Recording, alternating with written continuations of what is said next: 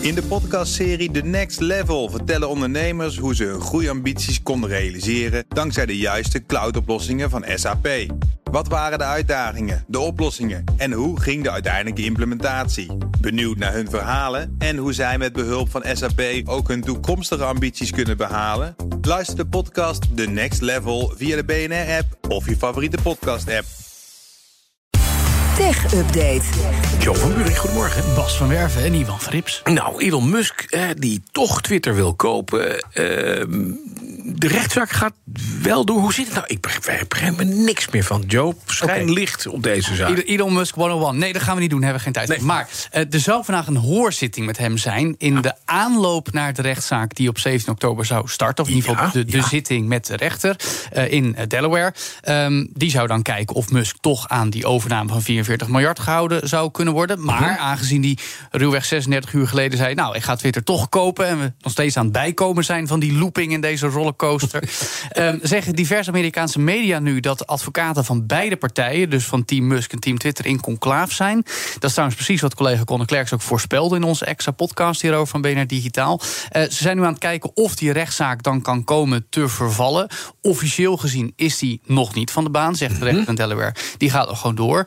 Eh, maar elk geval, die hoorzitting vandaag gaat dus niet door. Overigens zou Musk eind september al gehoord worden in de aanloop naar die zaak. Maar toen zei hij af vanwege een vermeende coronabesmetting.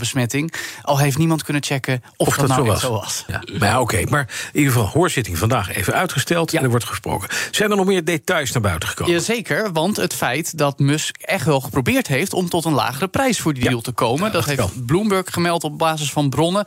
Hij wilde 30% minder betalen dan die 44 miljard. Ja, fors. Eh, en op zich, als je kijkt naar de aandelen, dan was dat misschien wel te verantwoorden. Maar ja, een koop is een koop. Eh, daarna heeft hij nog eh, geprobeerd te onderhandelen tot 10% korting. Dat is ook niet gelukt volgens de New York Times. Dus daarom is er toch akkoord gegaan. Tenminste, volgens dat schrijven van eergisteren met die 44 miljard. Ehm, over geld gesproken, de banken en investeerders buigen zich nu wel over de financiering die Musk daarvoor nodig heeft. Eh 12,5 miljard dollar wordt geleend. En dat loopt via Morgan Stanley. En dat is dan weer interessant, Bas, want daar hebben we het eerder over gehad. Eh, Musk heeft namelijk zijn aandelen in Tesla als onderpand gesteld om die lening te krijgen. En daarmee heeft hij zijn belang in dat merk verstrengeld. Tesla is nu verbonden aan Twitter. Dat Ja. is al een tijdje zo. En nu is dat dus opnieuw eh, bij de, onder de aandacht gekomen van... hé, hey, hoe zit dat eigenlijk? Maar wat denk jij, die rechtszaak gaat die van de baan uiteindelijk? Zoals het er nu naar uitziet wel. Ik zou het niet te snel opgeven als ik Nee, Twitter was. Want voor je Nee, weet maar- zegt Elon Musk weer, doe het toch niet! Precies, dat is het hele Ja. punt. Twitter wil garanties dat hij niet weer eronder Weer een back-out doet. Ander technieuws. Facebook gaat vragen of je meer of minder van bepaalde berichten wil zien. Ja, om het algoritme bij te sturen, zodat Facebook automatisch nog beter kan laten zien wat je wil in je feed. Of tenminste, wat het algoritme, algoritme denkt dat jij wil zien. Eh, Er wordt natuurlijk gebruik gemaakt van AI met een rankingscore om te bepalen wat voor jou interessant is.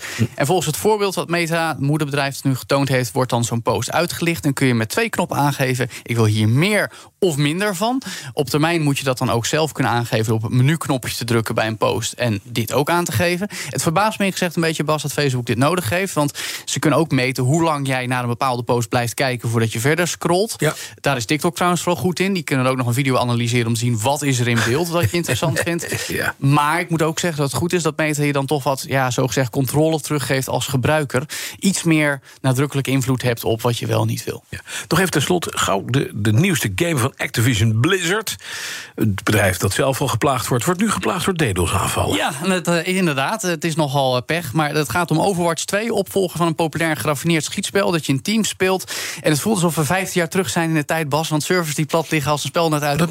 Dat zijn we echt niet meer gewend aan 2022. Maar goed, een van de topmensen zegt dat er wordt dag en nacht gewerkt om die DDoS-aanvallen af te Oh, weren. een de- de lullige DDoS-aanval. Ja, nee, ja, wie zou het op zijn gemunt hebben? Hè? Maar goed, het, Mhm. ik moet wel zeggen, het is jammer. Er zijn ook veel problemen met de stabiliteit van die game. Je kan dan niet je progressie vanuit het eerste deel overzetten. Daar kan ik over meepraten, want ik heb gisteravond ook tot lang zitten wachten. Want het eerste deel heb ik nog zeker meer dan 100 uur gespeeld. En ik wil gewoon alles wat ik heb vrijgespeeld meenemen. Maar ja, dat gebeurt dus voorlopig nog even niet. Dus weer een nachtje weg. Nou, dan mag gewoon eh, Twitter vrolijk blijven volgen. Ja, dat... dat- is ook leuk. Dankjewel. Joe van Buurik. De BNR Tech Update wordt mede mogelijk gemaakt door Lenklen. Lenklen. Betrokken expertise, gedreven resultaat. In de podcastserie The Next Level vertellen ondernemers hoe ze hun groeiambities konden realiseren dankzij de juiste cloudoplossingen van SAP. Wat waren de uitdagingen, de oplossingen en hoe ging de uiteindelijke implementatie? Benieuwd naar hun verhalen en hoe zij met behulp van SAP ook hun toekomstige ambities kunnen behalen? Luister de podcast The Next Level via de BNR-app of je favoriete podcast-app.